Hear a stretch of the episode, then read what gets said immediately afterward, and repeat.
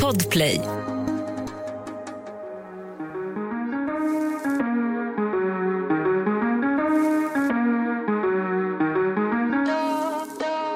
Då kör vi! Varmt välkomna till avsnitt 8 av Hedman och Hedén, en beroendepodd. Och idag är det säsongsavslutning. Idag är det säsongsavslutning. Vad fort det har gått. Verkligen. Åtta avsnitt gick i ett swish. Och idag är det även, eh, man kan nog kalla det en liten uppesittarpodd kanske. För imorgon är det julafton mm och eh, vi, har ett, eh, vi har ett specialavsnitt idag. Och vi vill att den här, det här avsnittet ska rulla och rulla och rulla hela julen. Precis. Sätt på den här epis- episoden, ha i bakgrunden Ja. när ni ser på Kalle. Nej, de kan pausa under Kalle. Där är det helt okej. Där kan de pausa. Men annars måste den rulla. En beroendepodd i bakgrunden. Hyfsat. Ja. Eh, Perfekt. Nej, men det har varit en, eh, en eh, härlig säsong. Mm. Jag tycker att vi har eh, fått ut eh, budskapet Mm. väldigt bra och vi har fått hjälpa många människ- människor. Ja, verkligen. Och responsen har ju varit eh, överväldigande, väldigt fin och tung på sina håll Mm, också. mm, verkligen. det, det blir ju så när man får alla dessa mejl och kommentarer från folk som har det tufft. Men vi känner ändå att den här podden har hittat sin plats på poddhimlen och det gör oss väldigt glada. Mm. Och vi har också en väldigt fin nyhet i och med det här. Det? Ja, men det har vi faktiskt. Ja, där du kom ju med dina nyheter innan jag vet om dem ibland, så att kör på du bara. Precis. Jag har en fin nyhet, Ja. även för dig. Ja, härligt. Och det är att podden kommer fortsätta. Mm, Ja, där ser man. nu vet du Magnus. Ja. Vi ska köra en säsong två som vi drar igång i januari. Hur känns det Magnus? Det känns ju jättebra. Ja, men? Vilken rolig nyhet. Ja. Ja.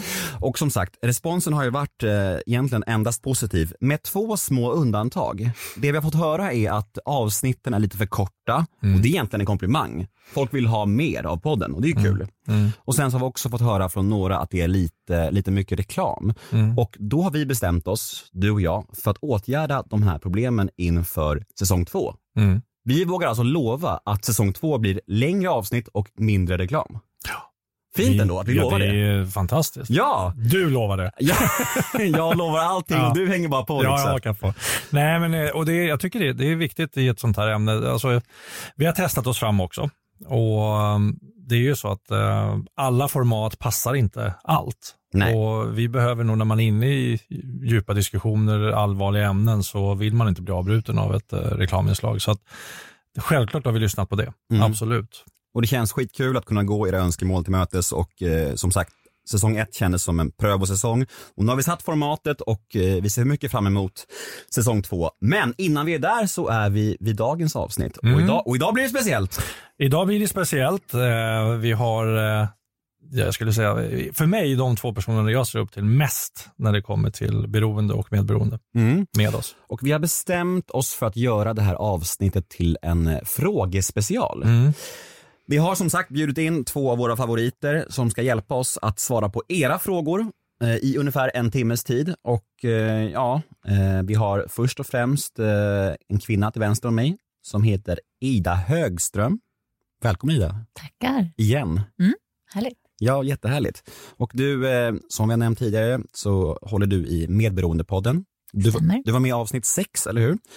Det har nog du bra koll på. Mm, exakt, tillsammans med Sanna Lundell och eh, det var ett väldigt lyssnat och uppskattat avsnitt så vi är superglada att du är här. Tack.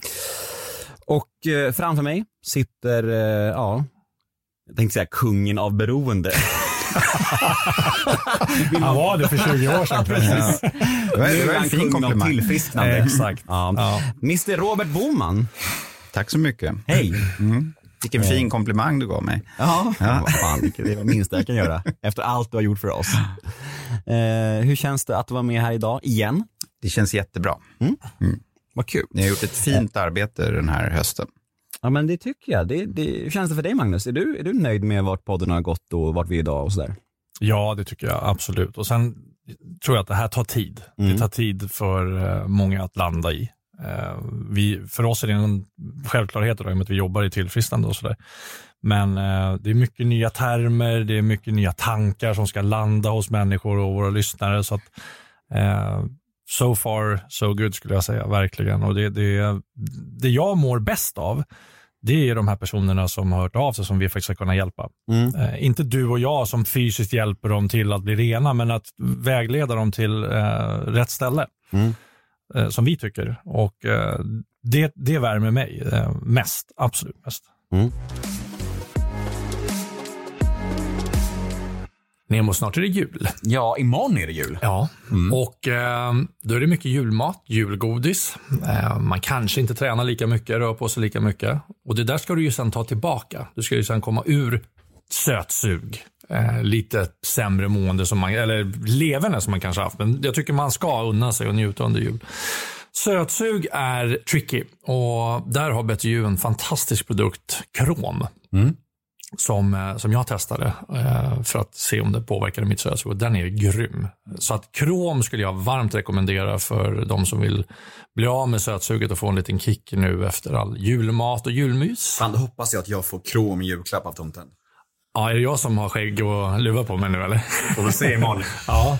eh, och vi har väl även rabattkod va? Ja, btu.se går man in på och så tar man och slår in Hedman Hedén och då får man 20% rabatt. Tack Better You. Tack BTU. Men en eh, sak som också är viktig att ta upp idag är ju just eh, jul och eh, nyår.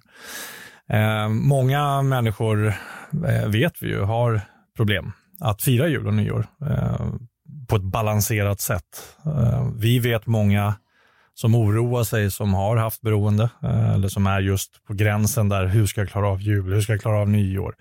Man börjar pumpa upp sig själv med nervösa, jobbiga tankar inför de här högtiderna. Där tycker jag också det ska bli väldigt intressant att höra vad, vad ni två har att säga just där. Om ni har några handfasta tips hur man kan tänka eller göra just kring jul och nyår. Högtider generellt, men nu är det ju de två som kommer. Ja, vi kan ju faktiskt prata lite om det innan vi hugger in på, på frågorna vi har fått in här. Eh, vad har ni för relation till julafton och nyår och sådär? Rent historiskt sett. Mm, jag skulle säga att jag har en ganska bra relation till jul, om vi börjar den änden. För att det har varit, jag har ju vuxit upp med beroendesjukdomen och eh, psykisk ohälsa i min omgivning. Jag skulle säga att eh, de stunderna är på något sätt eh, den, den dagen då jag kunnat lita på att allt är, följer exakt en, här, samma struktur. Liksom. Plus att jag har firat det med den delen av min släkt, eh, ja, eller med min släkt. Och där har min anhöriga inte druckit för att ni vet hur det är, man döljer sjukdomen. Liksom. Så det är nog en dag, jag känner mig väldigt, jag uppskattar den dagen väldigt mycket. Eh, det är liksom, Eh, jag gillar det här när man myser, jag har gillat framförallt i min sjukdom, i min uppväxt, när saker är väldigt så här, följer en struktur, det är samma sak. Så, här. så att den, den dagen har varit eh, väldigt, väldigt eh, viktig och fin för mig faktiskt. Eh, nyår har jag ju sällan firat med eh, mina sjuka personer liksom, i min närhet. Eh, bortsett från några eh, vilda fester liksom, med folk som, som är kanske aktiva. Men då har det inte varit på, på det sättet att jag har specifikt känt den här, det, här, det här förhållningssättet till de här människorna. Så att eh, jag, har, jag gillar högtider, ska jag säga, generellt, och gör fortfarande. Mm. Eh, jag tycker om när man får liksom göra någonting extra eh, av saker och ting. Mm. Robban? Mm. Eh, idag är ju min relation till högtider väldigt fin. Eh, och, och precis som Ida säger, det, det är mysigt och, och det är trevligt och, och, och familjen är nära. Eh, en gång i tiden såg det inte ut så. Eh, mitt allra sista återfall som, som eh, jag tog, det påbörjades den 22 december. Och den julen vart det ju ingen jul alls med familjen. Jag vaknade på sjukhus den 25 december. Eh, och minns egentligen ingenting från de där tre dagarna. Och så dramatiskt behöver det kanske inte vara för alla familjer, men, men högtider är ju ofta speciellt eh, i, i beroende familjer, eh, där en person kanske dricker för mycket eller använder droger, vad det nu är för någonting. Det är ofta en, en nervositet inför det. Och både för en beroende naturligtvis, det stressas upp precis innan, dagarna innan, det hör ju till och ska de vakta mig nu igen och, och, och så vidare. Och framförallt då för familjen eh, som blir oroliga. Och hur ska den här julen bli? Kommer han eller hon vara hemma och vilket skick kommer han eller hon vara? Och så vidare. Mm. Mm, jag har varit på, sam- på båda platserna faktiskt. Eh, när jag växte upp så var jag ju på, på den eh, anhöriga sida. Eh, fantastiskt fram tills eh, Kalle ungefär. Sen kom eh, den här flaskan med förbannade seglet upp, eh, Explorer, och då, blev det, då visste jag liksom vad som, som hände. Jag kommer ihåg en jul specifikt när jag letade julklappar och hittade Explorer-flaskor och, och gömde dem. Och det blev ett jäkla liv. Eh, på att, eh, inte på att jag hade hittat julklapparna, utan på att jag hade hittat och gömt undan spriten. Så det kommer jag ihåg eh, tydligt. Eh, sen har jag ju tyvärr varit på andra sidan där jag har eh, varit påverkad under jul och inte kunnat ge mina barn den jul de förtjänar och vara den pappan som de förtjänar att ha också. Så den, den, eh, den är ju väldigt tudelad. Idag så eh, är mer tacksam att kunna ge av mig själv och liksom ge barnen en, en lugn och fin jul utan orosmoln. Så jag har varit på båda sidorna och eh, eh, ja, det, det, det, är mycket minnen som kommer bara man bara jag pratar om det nu. Liksom, sådär. Mm. Och det är väl framförallt, om jag ska titta på vad är det jag kommer ihåg mest av och, och så, det, det, skulle jag säga när jag växte upp. Skulle jag säga. Mm. Och det, ja, hur har du själv? För, vad har du för minnen? Vad har du för Nej men det är som du säger, de, de som minnena som sticker ut är de jobbiga minnena. Det är de mm. man minns. Mm. Eller för mig är det så i alla fall att jag har nog svårare att identifiera de fina minnena från barndomen, även om de också fanns mm. såklart. Det fanns ju bra jular också. Även om jag är uppväxt i ett missbrukarhem så, så fanns det ju bra tillfällen också kring jul och så. Men det minnet jag främst tänker på var nog, eh, jag kommer ihåg när Aqua var aktuella med sin första skiva den här blåa skivan, som de var ju så extremt stora, slog igenom med dunder och brak. Var det Barbie Girl? Det, Exakt, Just Barbie Girl-skivan. Mm. Och jag var väl i unga tonåren då. Eh, kanske, skulle gissa att jag var ja, men 12 kanske, 13 någonting. Och jag önskade mig den skivan och, eh, och fick den av, av eh, min pappa då och blev jätteglad. Och sen kommer jag ihåg att några timmar senare så fick jag ett till exemplar av den skivan av pappa. Mm. Mm. Okej. Okay. Så det minns jag tydligt. Mm. Och eh, jag blev väldigt glad först av första exemplaret. Av det andra exemplaret blev jag bara ledsen, såklart. Mm. För att han hade glömt bort att han hade gett mig ett extra. Och sådana mina, för jag bara ryser när jag säger det nu, ah, för att det var så jävla starkt. Mm. Och det är liksom ett satt sig kvar från min barndom. Eh, och då kan det nästan bli lite orättvist, för att det är de minnena jag förknippar med jul, fastän det finns bra minnen också. Mm. Men om vi ska gå in, alltså fortsätta just på det temat nu då, då eh, innan vi går in på våra lyssnarfrågor. Mm. Vad har vi för tips? Det är lätt att säga så här, skit i att ta hem alkohol. Ta inte hem någon sprit, vin, öl, någonting. Gör det här bara för barnen. Men vad, vad kan vi liksom, har vi något tips? Vad, vad, vad säger ni? Mm. Uh, först skulle jag vilja bara få knyta an till vad du sa Nemo, att, att du minns de tråkiga sakerna och jag tycker ändå att det är viktigt att lägga till att, att så småningom i tillfrisknande så, så kommer vi faktiskt att kunna välja och se de bra tillfällena och mm. inte vara kvar i, i de som kanske var sorgliga. Mm. Ja, och, och det tycker jag ändå är viktigt faktiskt att, eh, att lägga till bara. Mm. Så du kommer snart att välja de bra tillfällena. Mm. När, jag, när jag är där du är. Om 15 år. ja men det känns hoppfullt. Det, det är 15 hoppfullt. härliga år framför dig. Men verkligen, så bra. Du brukar kalla det världens längsta efterfest, eller vad du säger? Precis. Ja, exakt. ja, men om man tittar på förberedelsen då, som jag sa. Um, ja, alltså om man tittar på det ur ett medberoende anhörigperspektiv så eh, precis som alla andra dagar i en person, man lever, nu, vi tar ett scenario då, om man lever med en person som har ett beroende, så eh, måste jag ju liksom hela tiden kapitulera inför att det är en sjukdom vi pratar om och att den, sjukdomen handlar om att den här personen inte kan sluta med det som den här personen håller på med. Och börjar jag där så har jag liksom lagt ribban lite grann för vad jag har förväntat mig för liksom en högtid. Så. Mm. Sen är det ju precis som ni berättar om många kanske traumatiska minnen som man har liksom förknippat så att det finns en laddning i det och då är det såklart att det riskerar att bli ytterligare liksom laddning även i beroendesjukdomen eller utagerandet eller drickandet eller vad det kan vara. Men eh, om man ticka, tittar då ur ett, ur ett eh, anhörigperspektiv så först och främst acceptera det, eh, tyvärr, om det är så att det är så det ser ut, liksom att inte förvänta sig någonting annat. Mm. För då bäddar det för besvikelse. Eh, sen skulle jag säga att också, eh, Ehm, jag kan ju bara tala för mig själv, att jag har ju haft den här starka bilden av att det måste bli på ett visst sätt. Och mitt fokus har varit att försöka kontrollera, få det att bli så. Så att jag har liksom inte kunnat vara i nuet och njuta av saker, utan jag har varit uppe i huvudet och försökt styra upp grejer. Eh, och det har gjort att jag inte kunnat njuta av, av det som faktiskt har varit. Så att, eh, att ta bort, liksom, vad är det viktigaste? Vad är det jag ser framför mig med en jul? Är det att kunna liksom, umgås med mina nära och kära? Ja, vad vet jag? Liksom? Eller är det att skinkan ska ätas på ett specifikt tillfälle? Vad är det jag är ute efter med det? Jo, för att jag har en föreställning att det kommer göra mig lycklig. Liksom. Så att så att jag skulle säga att det handlar ju om att eh, acceptera situationen. Jag är maktlös över andra människor och sånt som är utanför mig själv. Eh, jag kan titta på mig själv. Liksom. Hur vill jag, vad kan jag bidra med in i att den här kulturen blir som på bästa sätt. Mm. Jag menar om barnet till exempel har en, en förälder som är aktiv och en förälder som är medberoende, så kan ju jag i alla fall som anhörig se till att bidra med, med trygghet, lugn, närvaro var det flera av er som pratade om. Liksom, mm. Det är ju det viktiga, inte att liksom, skinkan blir perfekt och sådär. Ja, eh, så att släppa mycket av de här förväntningarna tror jag är en bra grund. Mm. Mm. Eh, och försöka vara i nuet, i det som pågår. Eh, och det är en dag. Mm. Liksom, jag behöver inte, det behöver inte bli perfekt, utan tvärtom. försöka ta tillvara på de här stunderna när man faktiskt ändå umgås, mm. skulle jag säga. Mm.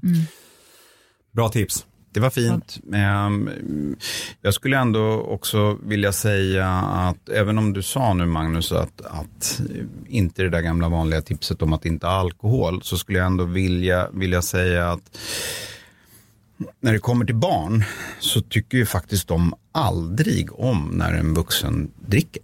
Mm. Det finns inget barn som tycker att det är roligt. Utan tvärtom faktiskt så tycker de att nej men mamma och pappa luktar illa eh, beter sig rätt töntigt. Eh, och det tycker jag någonstans ändå är viktigt att mm, kasta in i det här. Eh, med det sagt så vill jag säga att jag är inte på något sätt emot att folk dricker alkohol. Bara för att jag själv är allergisk så betyder inte det att alla andra ska sluta dricka alkohol. Eh, men när det kommer till barn så hänger det faktiskt inte ihop. Mm. Nej, så vi vill ju faktiskt slå ett slag för vit jul här. Ja. Det måste jag ändå säga. Ja. Eh, och det tycker jag inte nog kan påpekas. Nej, och det är en dag. Mm. Det är ju barnens dag, mm. om vi ska se det så. Eh, och vet jag med mig att jag inte kan ta ett glas vin, att inte stanna där. Jag vet att jag inte kan göra det överhuvudtaget, så ta inte hem alkohol överhuvudtaget. Det blir ju, man återkommer ju till det här, återigen, ha inte alkohol hemma. För har jag minsta problem med någonting så kommer jag inte kunna låta det vara eh, stå där i skafferiet eh, bara för att det är jul. Liksom. Och som, som Robban säger också, barn och alkohol, tänk vad fantastiskt det vore om vi kunde ha den gränsen. Om jag själv hade kunnat haft den eh, liksom, stoppet där. Eh, men eh, eh, det känns så otroligt viktigt och det är en enda dag. Mm. Magnus, imorgon är ju julafton och jag tror att vi har många lyssnare där ute som eh, kanske känner sig lite nervösa inför julen. Det kanske är en högtid som kopplas ihop med eh, ångest, oro, dåligt mående. Mm. Vad har vi för tips till de här lyssnarna? Ta kontakt med Mindler. Eh, såna, de sakerna du tar upp där med uh, oro och ångest och, uh, leder ju oftast till ensamhet. Mm. Och där är ju Mindler en perfekt kompis, om vi kallar det så. Då. Eh, digital vårdgivare som, som har enormt mycket kompetens inhouse, över 150 psykologer. Mm, något sånt. Något sånt. Och eh, jag tycker man bara tar kontakt. Istället för att sitta och vänta och fortsätta må dåligt, ta kontakt med Mindler och eh, lös ditt mående. Mm. Tack Mindler.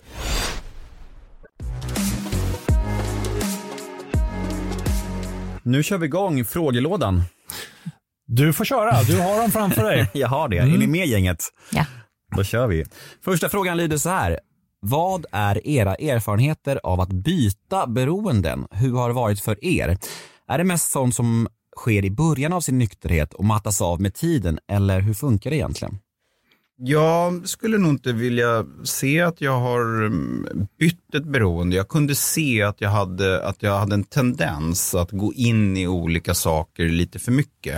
Och det kunde vara så enkelt som att jag behövde jag blev liksom besatt av att jag måste dricka sex espresso om dagen och, och jag behöver ha den här Crodino-drycken till det. Och, och, eller jag ska börja samla på Dior-väskor och, och, och, så vidare. och Så vidare. Eh, så att jag kunde absolut se att, att jag hade en tendens av att liksom snöa in på saker. Eh, men där jag också ebbade ut och eh, försvann. Mm. Helt enkelt. Men det är ju ganska vanligt att människor byter beroende. Mm. Går in i någonting annat helt enkelt. Och det kan ju vara både träning eller sex eller mat. Mm. Och jag börjar göra saker för mycket helt mm. enkelt. Magnus, vi har ju snackat lite om det här att, att eh, vi upplever, eller jag upplever i alla fall, att du har ju bättre balans i ditt liv. Du känns ju mer liksom så här, ja men du har ändå så här, en slags balans som jag kanske saknar. Att, att jag är mer så att jag hamnar i mina svullrace med socker eller hamnar i mina, ja, men vad det nu kan vara, liksom bekräftelse, sociala medier och, och att du har kommit längre där. Mm. Hur tänker du kring det här? Har du upplevt någon gång i din nykterhet att du har bytt beroende? Sen du började tillfriskna liksom? Eh, kanske inte så mycket nykterheten eller, alltså så här, jag, jag, jag tror att jag har gjort det men har varit lyhörd i början på till exempel vad Karin, min flickvän, då sa för någonting liksom, när det kom till träning. Att jag inte bara, men snacka inte, eh, utan att jag faktiskt var lyhörd på vad hon sa då. Eller vad någon annan sa i min omgivning. För att, men sen var jag extremt svart eller vit innan, om du tänker på min träning, liksom hur det livet har varit med idrotten och sådär. Eh, men i nykterheten skulle inte jag säga att jag har bytt. Eh, det svåraste som jag har upplevt i min nykterhet var faktiskt när jag spelade in Superstars i somras. Eh, att på något sätt hoppa tillbaka till den här tävlingsmänniskan Magnus igen. Jag hatade ju, alltså jag visste inte hur jag skulle tävla länge, när jag, första tävlingen i Superstars. Jag mådde inte bra, jag mådde fysiskt och mentalt dåligt av att behöva pusha mig på ett sätt som jag inte hade gjort på jättelänge. Liksom. Och det tog mig ett par dagar att komma in i. Tills jag bara så här, men, gör så gott du kan, ha kul. Då släppte det för mig. Men du vet, jag så, satt, stod där bredvid Carolina Klüft och de här och du vet deras vinnarskallar och, och liksom blicken. Den hade jag förut, men den var inte där längre. Och sen hade jag en kamera framför mig från sex på morgonen till tio på kvällen. Det eh, ruckade mycket på mig mm. faktiskt, skulle jag säga. Mest eh, under hela mitt tillfrisknande. Under mitt beroende däremot så bytte jag ju, eh, när, jag försökte, när jag slutade med amfetamin, började med kokain. Eh, tänkte att nej, men jag slutar med kokain, men som du vet, jag fortsatte dricka ja, det ledde mig tillbaka till min favoritsubstans, kokainet. Mm. Så att, eh, men i mitt tillfrisknande så har jag nog inte upplevt det faktiskt. Och det är för att det jag gör Nemo, jag tänker mig för. Jag handlar inte första gången. Jag stod i en kö med två polare som skulle spela på fotboll, på Oddset. Jag var på väg själv att spela, så kom jag på, vänta, nej, jag har aldrig haft problem med spel tidigare, men så tänkte jag, vänta, om jag spelar här nu så kanske det kommer att ta mig. Så att det är väl det att jag liksom har lyckats att stanna vid min första tanke mm. lite mera. Mm. Jag kommer ihåg eh, under min eh, begynnelsen av min nykterhet, mina tre första månader eh, i nykterheten så åt jag, jag tror det var sex glassbåtar varje dag i tre månader. Jag, blev, jag, var helt, alltså jag, jag missbrukade det totalt. Alltså. Jag var tvungen att, att liksom ha någonting att fly in i. Men det behövde jag ha liksom. och jag vet att det är många kan känna igen sig i det, att man måste i början av sin nykterhet ha någonting annat, någon slags snuttefilt. Liksom. Jag säger inte att det är rätt eller att det är sunt, men för mig var det viktigt att ha det liksom, att go to i början. Liksom. Um, att det är ju också ganska många som går från att ha varit beroende till att upptäcka att det finns ett medberoende där under. Och det är ju också, alltså för mig är medberoende att vara mentalt besatt av andra människor och problem. Liksom. Och det är fokuset, alltså när du tar bort en massa substanser och yttre liksom, eh, kemiska saker så är det ju, upplever jag, väldigt vanligt att man istället blir besatt i en relation eller besatt av eh, att här, lösa problem eller vad det kan vara. Mm. Men det är också viktigt att titta på att det är en sak om du är alkoholist att sluta dricka alkohol. Liksom. eh, då tar du ju bort det du har liksom knarkat på, det du har eh, blivit hög på eller det du har fått en slags tillfällig lugn av eller vad du nu har fått av det. Men där bakom finns det en massa skam och ångest och massa ritualer man har för sig och så här.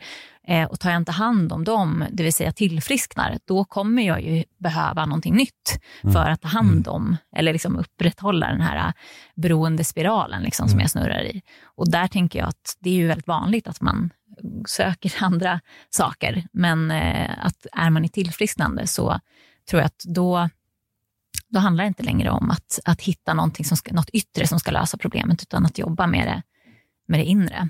Precis, och det är, inget, det är inget ovanligt som du säger att, att jag, när jag väl börjar tillfrisknande så vill jag ju plötsligt fixa alla saker. Jag, jag ska banta och jag ska träna och, och jag ska göra ditten och datten. Vad det gäller de där sex glassbåtarna om dagen så, så tänker jag att det var väl ett utmärkt sätt om du kunde dämpa suget på det sättet. Jättebra. Hade du fortsatt äta de där sex glassbåtarna fram till idag, då hade det med största sannolikhet varit ett litet problem. Eh, Så att du gjorde det den där tiden, det skulle inte jag se som ett problem. Och det tror jag också är viktigt att lägga till, för ibland Ibland kan man höra eh, människor i tillfrisknande som säger att Åh, jag var så sjuk i helgen, jag åt två chipspåsar, Åh, jag var så sjuk i helgen för jag gjorde det här och så vidare. Men alltså, vi kan faktiskt göra saker lite för mycket någon gång utan att för den saken skull vara sjuka. Eh, den stora skillnaden är väl om jag inser att Nej, men det här var inte så bra, jag mådde inget bra av de här två, tre chipspåsarna, så då gör jag inte om det imorgon. Nej men du är inne på någonting där som är viktigt tycker jag att poängtera. Att, att det blir så lätt att man slår på sig själv och, och strävar efter perfekt balans. För det är ju ändå så att idag, eh, nu kan jag bara tala, tala för mig själv, att jag har liksom varit clean från alkohol och droger i över fem år. Så om jag någon helg då går ner mig i, ja, men vad det nu kan vara, godis eller Tinder eller vad som helst. Det är fortfarande bättre och mer harmlöst än om jag liksom super och knarkar och ligger med åtta tjejer eller vad är nu, något skadligt liksom. Så det finns ju olika grader i helvetet liksom och jag tycker kanske inte man ska dra så stora växlar av, av de slags flyktbeteendena. Eh, En Men- sak i taget också. ja, men Ja, men exakt, en sak i taget och återigen, om du gör det en helg, Ja. Ja, men då är väl inte det hela världen om Nej. det inte skadar dig eller någon annan. Precis. Ja, det är helt okej att du får göra det en helg. Mm. Vi, vi får göra sådana saker. Eh, om det däremot blir ett upprepande beteende där jag faktiskt skadar mig själv eller andra och Sitter du på Tinder och inte kan betala dina räkningar eh, och tänker att jag ska göra det imorgon, men sitter imorgon också på Tinder och, och i övermorgon och i övermorgon efter det och, och så blir inkasso och kronofogden, nej, men då är det ju med största sannolikhet ett problem. Gör du det en helg för att du känner för att liksom, ja, göra det helt enkelt, så är väl inte det hela världen. Nej. Det farligaste för mig under tillfrisknandet, hel, alltså, och det kommer nog vara så, det, det är bekräftelsebehovet. Och det är ju när jag inte riktigt är i balans. Det handlar mycket om självkänslan. Eh, och en stor del i tillfrisknande handlar ju om att liksom börja tycka om sig själv och se sitt egenvärde också. Eh, och inte söka yttre eh, referenser till att må bra och så vidare. Och det är ju väl någonting som jag märker, om jag nu går tillbaka till det här med Superstars, där göddes ju det här med bekräftelsen. Att prestera, vara värd någonting för det du gör. Söka bekräftelse och fan bra, bra, bra, vad, och jäkla vad stark han är och du vet allt det där. Den, den, och det, det här handlar ju om tid och att man fortsätter att jobba i sitt tillfrisknande. Men där måste jag säga att det, det har jag väl upplevt att det ruckar på mig direkt. Alltså. Mm. Så fort jag börjar eh, känna av det där att jag behöver, och det måste jag erkänna, lite under, under den här perioden sedan vi startade podden så har det ju blivit väldigt mycket meddelanden. Och jag kände också så till, eh, till slut att jag ska vara alla till lags. Mitt medberoende bara göddes hela, alltså jättemycket och jag ska vara alla till lags. Jag ska svara på alla, jag ska hjälpa alla.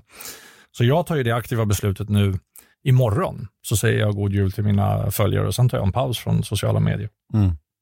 För jag känner att det äter upp mig och, och det leder mig lite i fel riktning i hur jag vill må. Liksom. Så det är ett aktivt beslut som jag tar. Så im- imorgon pausar jag faktiskt. Just, eh, inte på grund av podden, men för att jag måste stilla ner, liksom, lugna ner och se vad är det som är viktigt egentligen. Mm.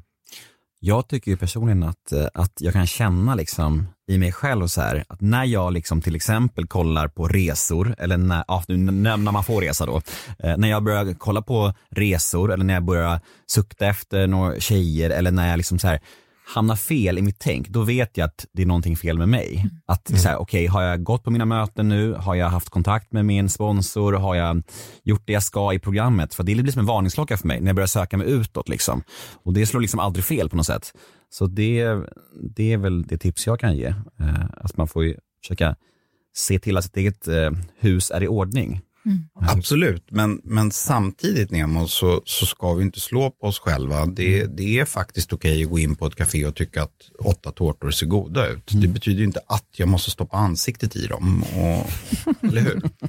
Och... Tala för dig själv. du vet inte vad jag gör kan jag säga. Nej, men det är, det är helt sant. Eh, vi går vidare. Vi måste hinna många mm, frågor. Och det, blir, det finns några kvar. Mm. Ehm, jag tänker att vi ska ta en lång fråga. Det var ett, ehm, ett mail, ett tungt mail som jag fick från, från en mamma. En förtvivlad moder. Ehm, och det lyder så här. Hej Hedman och Hedén, här kommer lite känslor från en trött mamma. Den där känslan av skräck som man kan få när man tror eller inbillar sig att det hänt sina barn eller någon annan anhörig något, det är min verklighet. Jag är en mamma till ett sjukt barn, ett barn som är beroende av kokain men det är få som vågar fråga hur vi mår. Min lilla kloka vackra son med sina pigga, otroligt vackra ögon. Vart är han nu? Jag som mamma till en beroende arbetar heltid, tar hand om hans syskon, orolig, oroliga familjemedlemmar, hem och hushåll. Trots att, jag, trots att jag själv håller på att gå sönder av en bottenlös sorg. Jag sover aldrig en hel natt, kan inte äta, jag har ont i kropp och själ. Men jag håller ihop under dagarna för att på kvällen smyga in i duschen och låta tårarna hejdlöst rinna ner för mina kinder. Verkligheten kommer ikapp och jag har till skillnad från min son ingen substans som bedövar min ångest. Mina gränser och mina, mina, mina värderingar flyttas och jag gör saker som jag aldrig någonsin trott jag skulle göra. Jag rotar, letar, förföljer som en tokig FBI-agent utan någon som helst utbildning. Jag kränker min missbrukande sons integritet. Jag gör det des desperat för att finna bevis. För att finna tomma drogpåsar, blodiga näspapper, skuldbrev, fejkade provresultat och han ljuger mig upp i ansiktet gång på gång på gång utan att blinka. Detta förstör såklart vår relation och han avskyr mig för att jag förstör hans drogande och alla lögner. Jag gör säkert en massa fel i jakten på att rädda mitt barn. Jag äventyrar och är till och med beredd att förlora vår relation om det gör honom frisk. Jag förstår såklart att jag har ett val över detta och över mitt liv och att jag kanske måste ta ett steg tillbaka och lita på min högre makt som jag fortfarande letar efter. Men förhoppningsvis hittar jag den med hjälp av den gemenskap som jag går i stegen jag påbörjat och min sponsor. För just nu lever jag inte mitt liv, utan det styrs av hans liv och hans mående. En ung man som jag älskar över allt annat. Jag tvingas välja mellan två riktigt usla val och vad som än visar sig vara rätt och fel har jag ingen aning om. Jag har fått rådet att låta mitt barn nå sin botten, att stilla sig på och invänta att han kanske återfår sitt förstånd. Men jag är ju för helvete hans mamma. Att ta avstånd från mitt barn när han är som sjukast sliter mitt inre i tur. Jag kan bara hoppas att priset av ett felaktigt beslut inte blir för högt. Punkt, punkt, punkt. Jag är inligt, tack, jag är inligt tacksam för de beroende som får hjälp med behandling och att det finns möjlighet för behandlingshem och öppenvård. Ja, så skriver hon tack, tack för fin podd och la la la la. Och,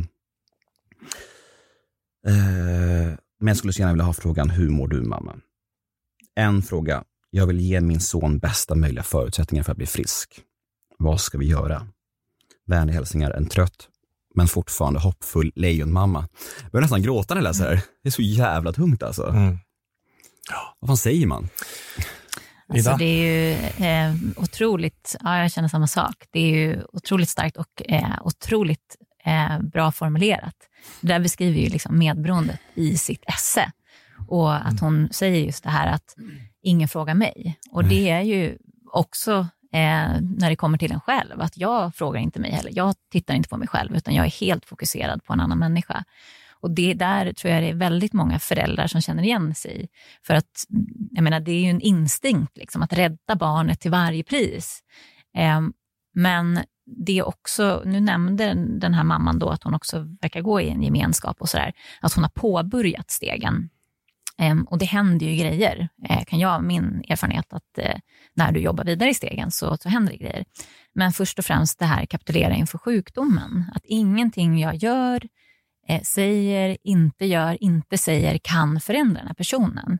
Och det som framförallt, det hon beskriver också är ju till viss del att möj möjliggöra sjukdomen.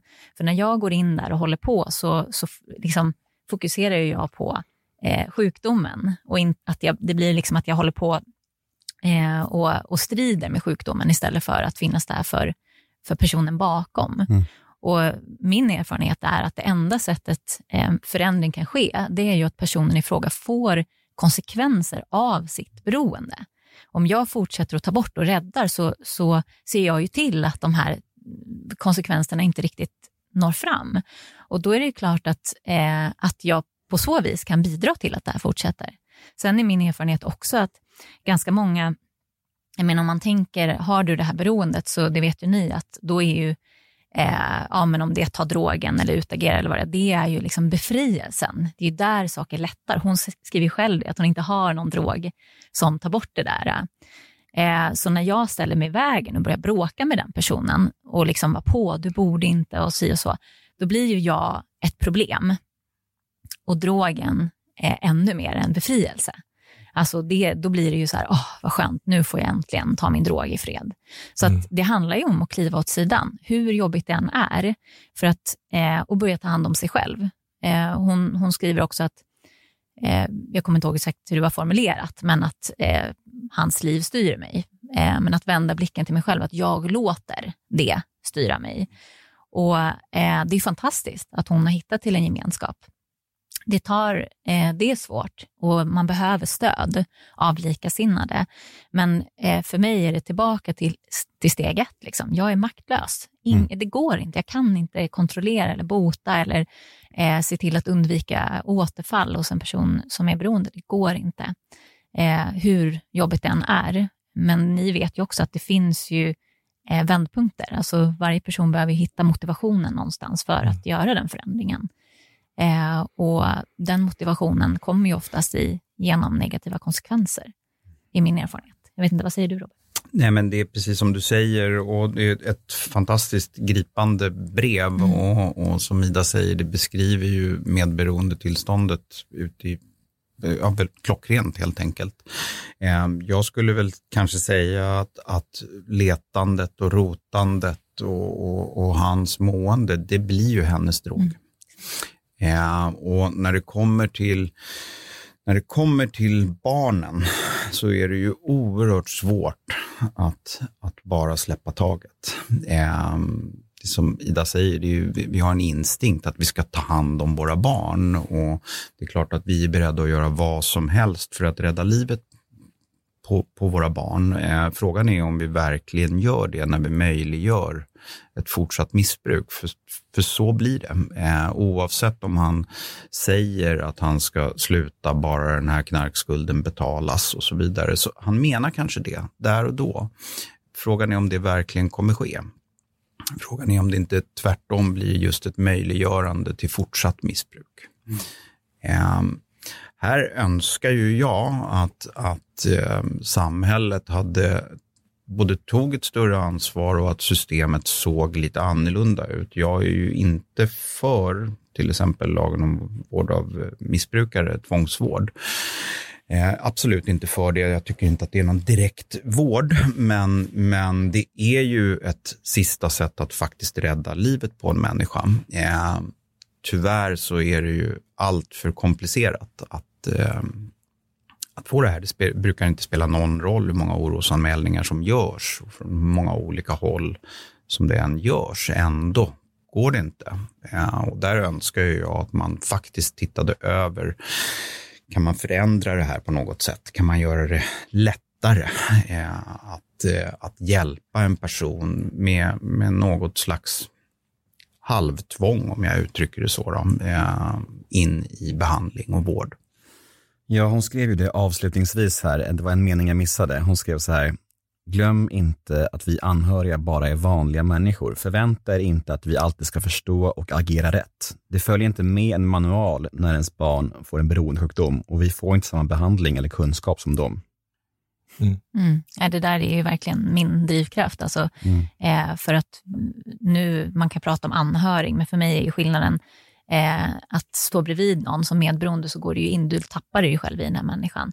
Robert sa någonting viktigt där, liksom, det är ju, eh, som medberoende så är ju den här andra personen eller andra människor problem, det är ju min drog. Eh, och när man kan liksom ta det klivet, eh, jag ser ju det här mycket, alltså ta det klivet åt sidan och förstå, eh, här håller jag på och säger till den här personen, bara, "Åh, jag förstår inte, han kan inte sluta ta droger, da, da, da, da.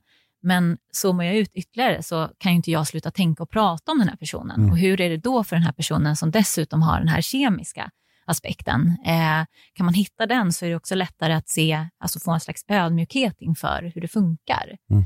Eh, och att jag måste ju, ta, jag är ju mitt eget ansvar först och främst och jag kan inte vara till nytta för någon om jag håller på och är galen som jag. Jag gör inte rätt val, utan jag behöver liksom frigöra mig för att kunna ta sunda beslut och agera på rätt sätt och inte springa den här galenskapen i hjulet. Liksom. Mm. Det var ganska många mejl faktiskt från föräldrar som hade söner eller döttrar som missbrukade, eh, men jag valde just det här mejlet för att det sammanfattade typ alla Mm. mejl. Så att, det, så att ja, jag tycker att ni svarade bra och jag hoppas den här mamman kan ta med sig någonting Mm.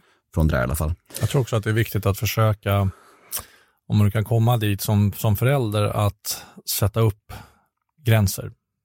Eh, låt oss kalla dem för kärleksfulla gränser. Då.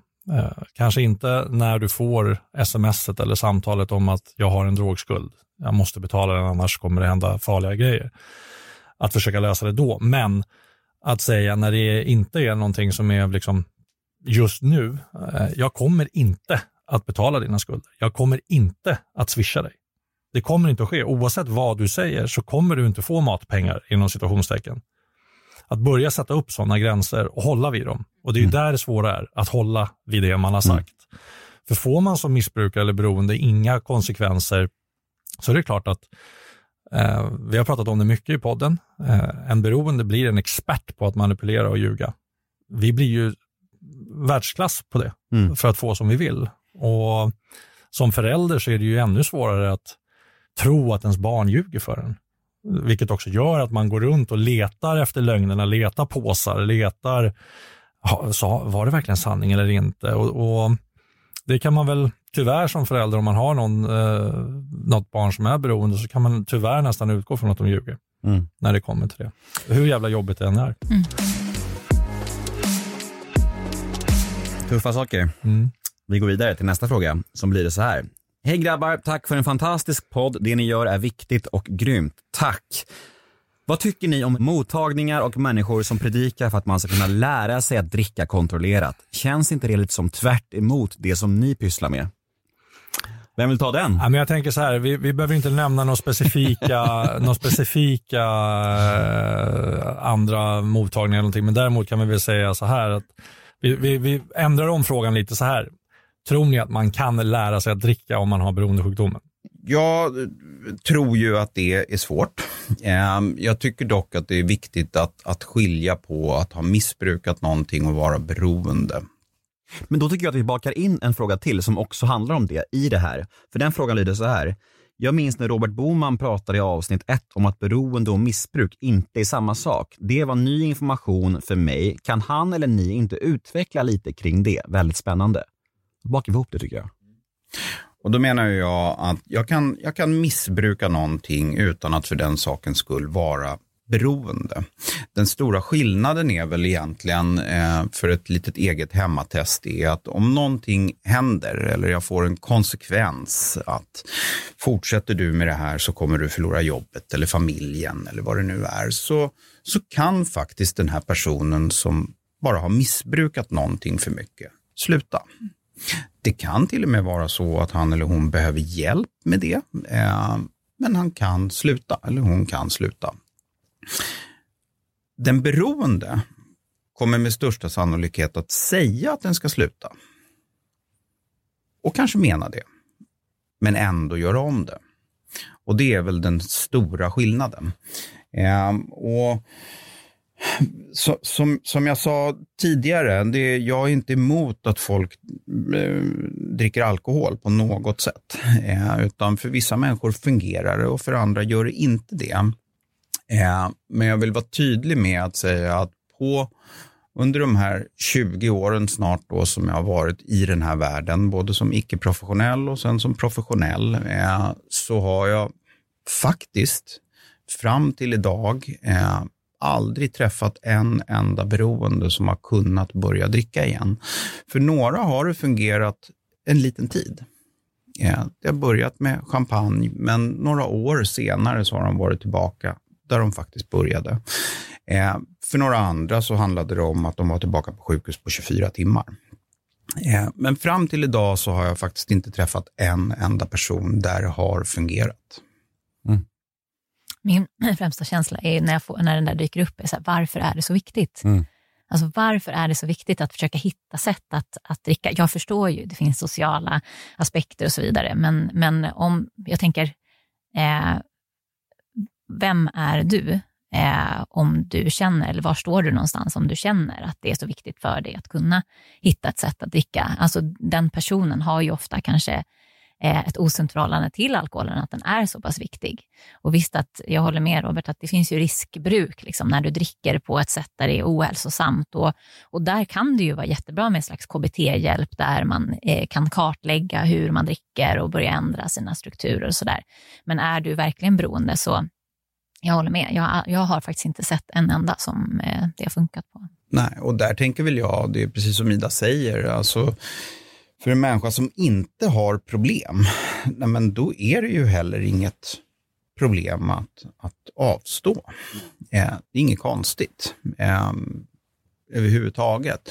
Eh, och sen att det finns eh, behandlingar där man ska lära eh, folk att dricka Eh, där tänker jag så här att nej men om det är ett första steg, vilket jag, min, min eh, erfarenhet säger att det ganska ofta är ett mm. första steg in i en annan behandling, men då är väl det ganska bra mm. i sådana fall. Ja, det är jättefint att du ser på det på ett sånt sätt. Jag blir mer så här fylld av en subjektiv affektkänsla. Liksom jag blir lite upprörd och tänker så här, men Tänk de här människorna som predikar om att det går att lära sig att dricka och ha sådana behandlingar, Tänk inte de på alla de familjer som faktiskt får leva med, med en gubbe eller en kvinna som försöker att lära sig i alla år liksom och de här får stå vid sidan om och bara lida liksom. Jag tänker att det är så jävla jag blir bara arg av det. Eh, men jag, sen är jag yngre än er också, så jag kanske är lite valpig i det här, men jag blir arg av det här. Eh. Men det, är, alltså, det där är ju också, precis, alla, vi måste ju också vara öppna för att alla vägar är bra vägar in i ett eventuellt tillfrisknande. Men så å ena sidan kan det vara ett sätt att du börjar titta och kartlägga ditt drickande och förstår att så här, och jag kan ändå inte sluta, då är det ju verkligen ett problem. Mm. Men det kan ju också vara ett sätt att, att möjliggöra ett beroende och fortgå under en längre tid. Så att det finns ju två sidor av det. Exakt. Eh, och, och vi har ju hos oss eh, ganska många klienter som, som har gjort en sån behandling som ett första steg mm. och konstaterat att nej, men det funkade inte. Mm. Jag prövade det och det funkade inte och nu får jag gå vidare med mitt problem helt enkelt. Mm. Och oss, det menar du The House? The House, ja. Mm, Berlin. Mm. Ska vi gå vidare? Mm. Mm. Då tycker jag att vi tar en fråga om just The House som vi nämnde, som lyder så här. Jag är lite nyfiken på det här behandlingshemmet The House som ni haft som partners under denna säsong. Vad innebär egentligen skräddarsydd individuell behandling i praktiken alltså? Ja, ehm, de flesta behandlingshem eh, skriver ju på sina hemsidor att de har individanpassade behandlingar. Ehm, och eh, Det kanske de har. Eh, på det sättet vi gör en individanpassad behandling är ju att vi, vi ehm, lyssnar vad, hur klientens liv ser ut. Vi, vi ser vad han eller hon har för möjligheter att komma in till oss. Och formar behandlingen därefter. Så det kan vara så att någon klient kommer in till oss fyra, fem gånger i veckan medan en annan klient kommer in en gång i veckan. Det kan vara så att en klient bor i ett annat land, eh, kommer hit tre dagar, eh, åker hem och har eh, Zoom-möten med oss däremellan, kommer tillbaka två dagar. Eh, det kan vara så att vi har ju också något som heter Private House där vi åker till klienten. Eh, så den möjligheten finns, finns också. Så vi anpassar det helt enkelt helt och hållet efter hur ser den här människans liv ut. Mm. Det är inte dumt. Var det svar? Ja, det, det tycker jag. Det är inte dumt. Så, här, så det är så. Eh. Nästa fråga lyder så här. Hej gänget. Varför får man inte nämna dessa tolvstegsgemenskaper slash självhjälpsgrupper vid namn när det kommer till media och sociala medier och sånt? Och varför gör vissa det ändå? Jag kan börja. Eh, det står ju i våra traditioner att, man inte, att vi inte ska göra det, eh, om jag är helt rätt ute nu. Eh, men jag kan, jag kan tycka, och det är också en egen personlig åsikt, att eh, jag tror att det i grund och botten handlar om att var det inte så, du får gärna rätta mig om jag har fel här Robert, att, att, att det inte ska bli så som typ, typ Kikki Danielsson för 20 år sedan, att hon gick ut i media och sa jag går på AA och sen så var det så att hon tog ett återfall och så var det dålig reklam för gemenskapen. Sådana, sådana grejer kan hända. Är det därför reglerna kom från början eller? Alltså ett, ett så handlar det om princip framför person. Eh, att, att, och, och två så handlar det om att ingen, ingen fysisk person företräder ju de här gemenskaperna. Det, det, det ska inte finnas någon ledare eh, och någon som förespråkar det här. Och jag tycker att det är en ganska fin idé. Eh, som, som jag också tror har varit en stor orsak till att de här gemenskaperna fortsätter att överleva. Eh, det kan naturligtvis också eh, vara precis som du säger, att en, en offentlig person går ut och säger att jag är medlem i den här gemenskapen och sen dricker eller knarkar den igen. Eh, varpå omgivningen tycker att ja, men det där funkar ju inte. Eh, och det kanske inte gjorde för den personen, men det kanske gör det för miljoner av andra över hela världen. Eh, så. Mm. För jag kan tycka att, eh, jag förstår vad du säger, men jag kan tycka att eh, om man hade fått prata om det i sociala sammanhang, i media, i allt sånt där, hade man kunnat få in mycket fler folk i rummen.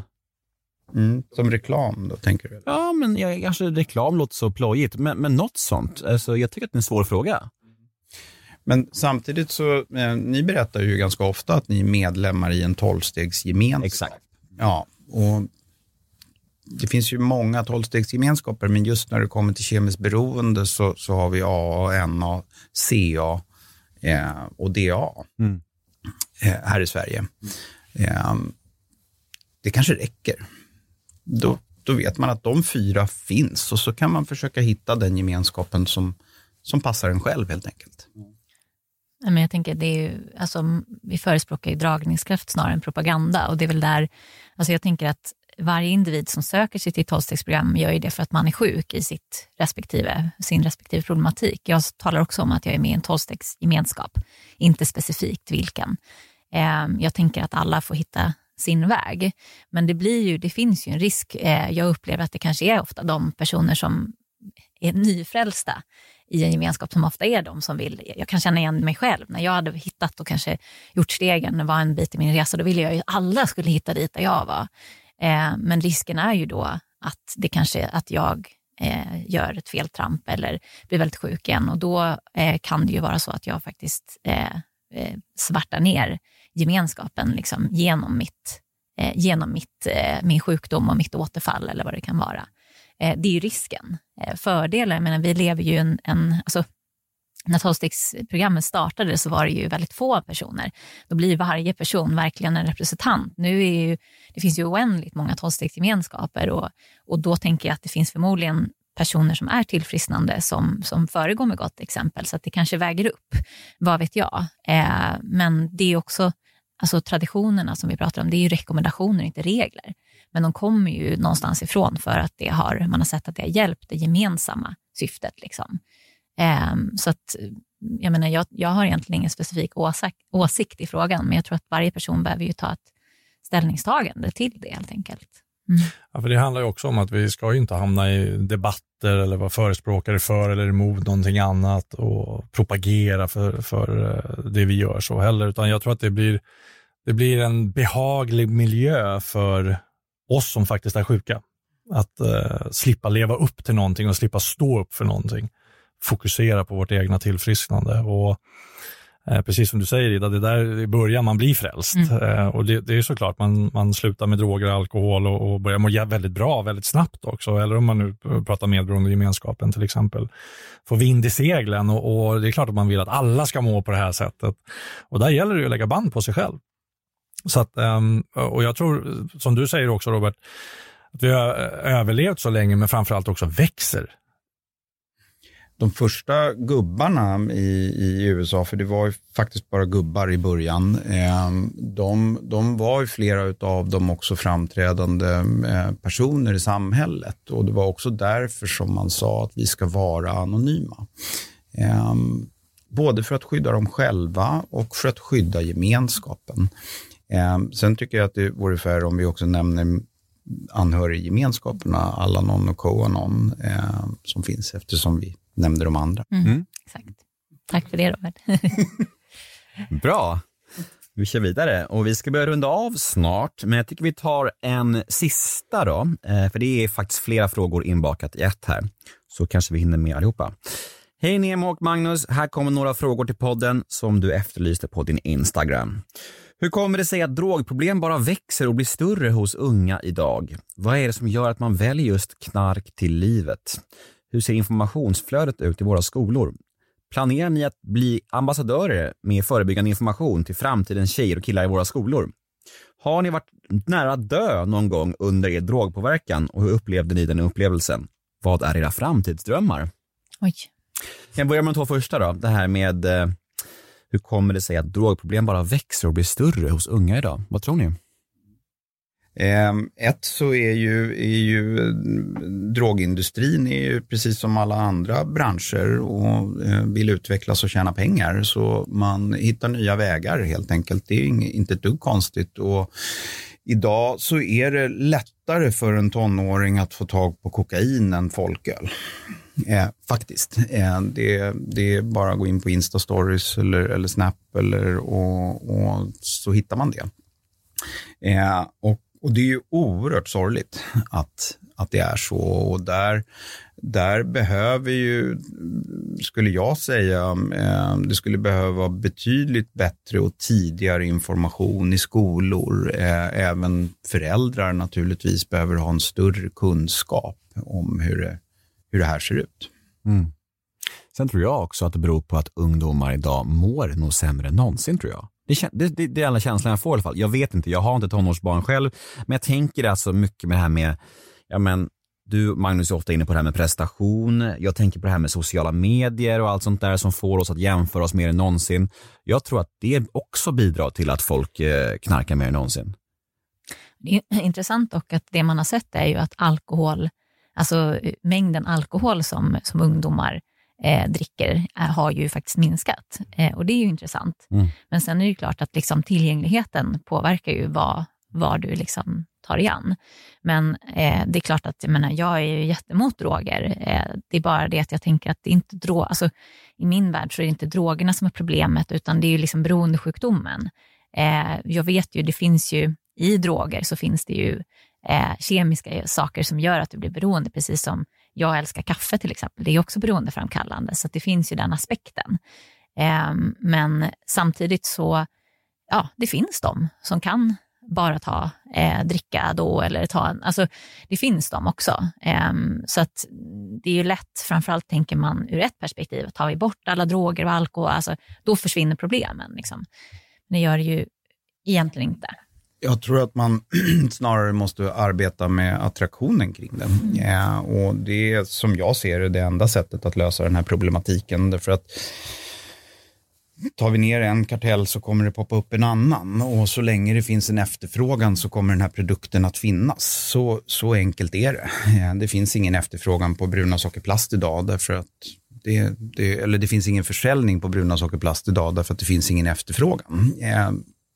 Och det kanske att liksom göra det lite väl simpelt, men jag tror att det är där vi ändå måste börja arbeta parallellt med att, att jaga mm. eh, de som producerar och langar och, och, och säljer och så vidare. Eh, måste ändra attityden till, till eh, droger. Mm.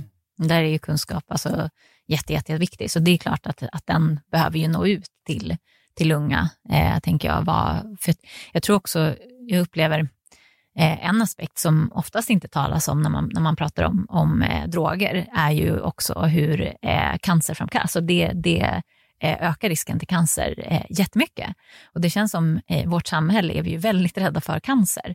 Men att det känns som att det är knappt någon som känner till det. Eh, och tittar man på alltså, cigarettpaket och så här, så, så är ju folk väldigt medvetna om den aspekten. Och där har ju också minskat, alltså eh, mängden rökare helt enkelt. Så är det. Jag skrev för många år sedan ett läromedel eh, till skolan just om, om eh, alkohol och droger och eh, där det handlade mer om att, därför att ungdomar är smarta idag, det handlade inte om att göra någon skrämselpropaganda och det tror jag ändå är ganska viktigt därför att talar man med ungdomar att det är farligt, du kan dö. Alltså det finns ju inte en kotte som tror att jag ska dö. Det kommer aldrig hända mig. Det är ju en mänsklig försvarsmekanism. Att vi alla tänker så, ja ja, men det kommer inte hända mig. Talar vi däremot om, om kanske det politiska, eh, vad, vad kartellerna faktiskt sysslar med, vilket jag tycker är lite skrämmande att medierna, medierna sällan skriver om mm. och sällan kopplar ihop med att när till exempel en, en känd person eh, åker dit för kokaininnehav, att det inte samtidigt parallellt med det också beskrivs var det här kokainet kommer ifrån. För det kommer inte från Stureplan. Det kommer från kartellerna. Om, om ungdomar visste om att kartellerna mejar ner behandlingshem, att man halshugger journalister, eh, hänger dem från broar för att statuera exempel. Eh, om de visste om att en 16-årig flicka i Mexiko eh, blev halshuggen och hennes huvud sattes på en pål i en rondell i den staden hon bodde, för att, för att hon hade skrivit i sociala medier om kartellerna, alltså, då blir det inte lika coolt att dra det där strecket. Det smakar inte riktigt lika gott. Det ger också ungdomar en chans att tacka nej av politiska skäl. Inte för att man tycker att det är farligt, utan jag tycker inte att det där är okej. Okay. Och ungdomar är smarta idag. Om, om de får veta att Nike sysslar med barnarbete, nej, men då är det en Facebook, Facebookgrupp igång på ett par timmar och sen har hela världen bojkottat Nike. Ehm, så det handlar ju om att informera. Vad är, vad är det? Hur ser produktionen verkligen ut? Hur ser hanteringen ut av det här? Och så vidare. Mm. Vi skulle hinna flera frågor i ett där, men det hinner vi nog inte. Jag tror inte vi hinner mer, eh, för att eh, vissa av oss måste kila och vi har hållit på i en timme. Så att, eh, ja. Vad, är, vad har ni för aktuellt nu? Ida, vad är det Medberoendepodden för fulla muggar? Eh, ja, både och. Jag har, eh, det är ju corona nu, mm. eh, så jag har tagit lite lugnt med, med de fysiska delarna. Mm. Eh, imorgon ska jag faktiskt göra en Zoom-föreläsning för Unga Dramaten. Eh, där Nej, på... imorgon är julafton, Ida. Åh, oh, just det. Sorry.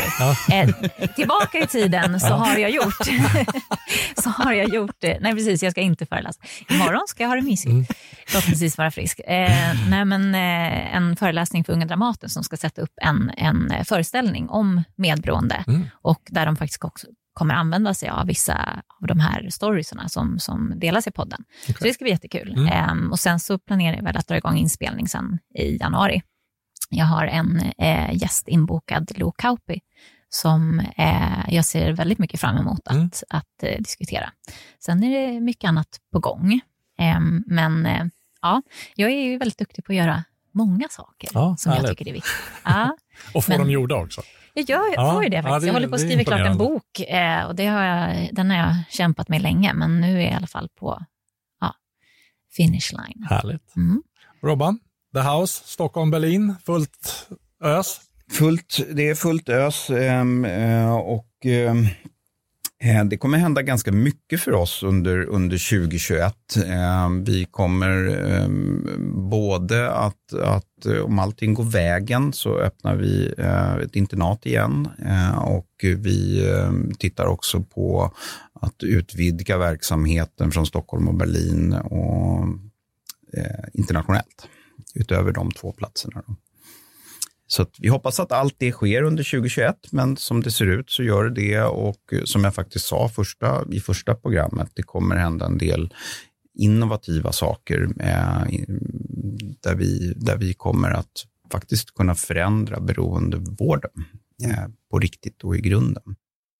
Och om man är nyfiken på The House ytterligare eller har frågor kring beroende, medberoende eller om er behandling, då kan man ju mejla Sandra hos er, eller hur? Det kan man göra. Mm. Sandra snabelahthehousestockholm.se. Precis. Bra Nemo. Där satt den. Vad ska, hur ska, vad ska du göra imorgon på julafton Nemo? Jag tänkte ju äta frukost med dig ju. Jaha, okej. Någonstans. Och, och byta julklappar. Ja. Mm. Vad har du till mig? Oj, oj, oj. Mycket kärlek. Det behöver jag i dessa tuffa tider. Nej, men jag vill önska en, eh, en supergod jul. Ja, detsamma till er alla som har hängt med oss eh, här och eh, hoppas att ni får en lugn och fridfull jul Mm. och nyår Mm. med mycket kärlek och glädje. Och eh, vi kommer tillbaka som sagt i januari och det känns superkul. Ni kan höra av oss till mig, ni hör av er till mail Magnus om ni vill önska gäster eller vad som helst. Eh, vi är nyfikna på vad ni tycker, vad vi kan göra bättre och allt sånt där. All feedback är vi intresserade av. Mm. Ja, det var väl allt.